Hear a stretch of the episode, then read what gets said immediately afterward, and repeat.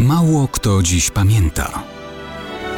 Datownik historyczny prezentuje Maciej Korkuć.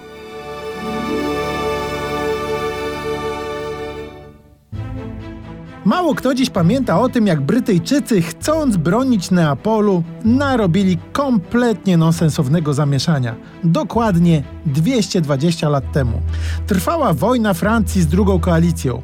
W Polsce, nawet kiedy wspominamy walki rewolucyjnych i napoleońskich armii, to raczej patrzymy na wydarzenia od strony francuskiej. Wszak bardzo chcieliśmy, aby to była nasza strona. Tymczasem po stronie antyfrancuskiej też działo się mnóstwo ciekawych rzeczy. Oto na przykład mamy sprzymierzone z Brytyjczykami Królestwo Obojga Sycylii i jej stolicę Neapol. Mieszkańcy i żołnierze przygotowują się do obrony przed francuskim atakiem.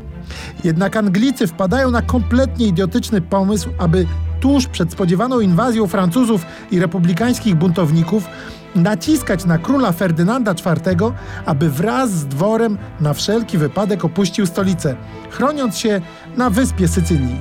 Nie trudno sobie wyobrazić, jakie wrażenie to robi na obrońcach. Błyskawicznie miasto obiegają wieści o ucieczce króla i o pewnej kapitulacji.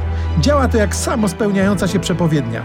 We flocie sycylijskiej, gotowej do walki, wybucha bunt marynarzy. Ci masowo zaczynają opuszczać okręty. Ponad 120 pływających jednostek nagle zostaje bez załogi. Brytyjczycy zbyt późno orientują się w powadze sytuacji. Pośpiesznie próbują rekrutować nowych marynarzy, bez skutku. Pojawia się zagrożenie, że pusta flota zostanie po prostu przejęta przez wroga. Na wariata ściągają kilkuset marynarzy brytyjskich i portugalskich. Tylko część floty w ten sposób ratują. Resztę stojącą w porcie podpalają statek po statku. Robią to tak umiejętnie, że pożar trawi znaczną część budynków neapolitańskiego portu. W takich to okolicznościach po walkach lądowych 23 stycznia 1799 roku Francuzi zajmują Neapol. Anglicy raczej nie mają powodu do satysfakcji.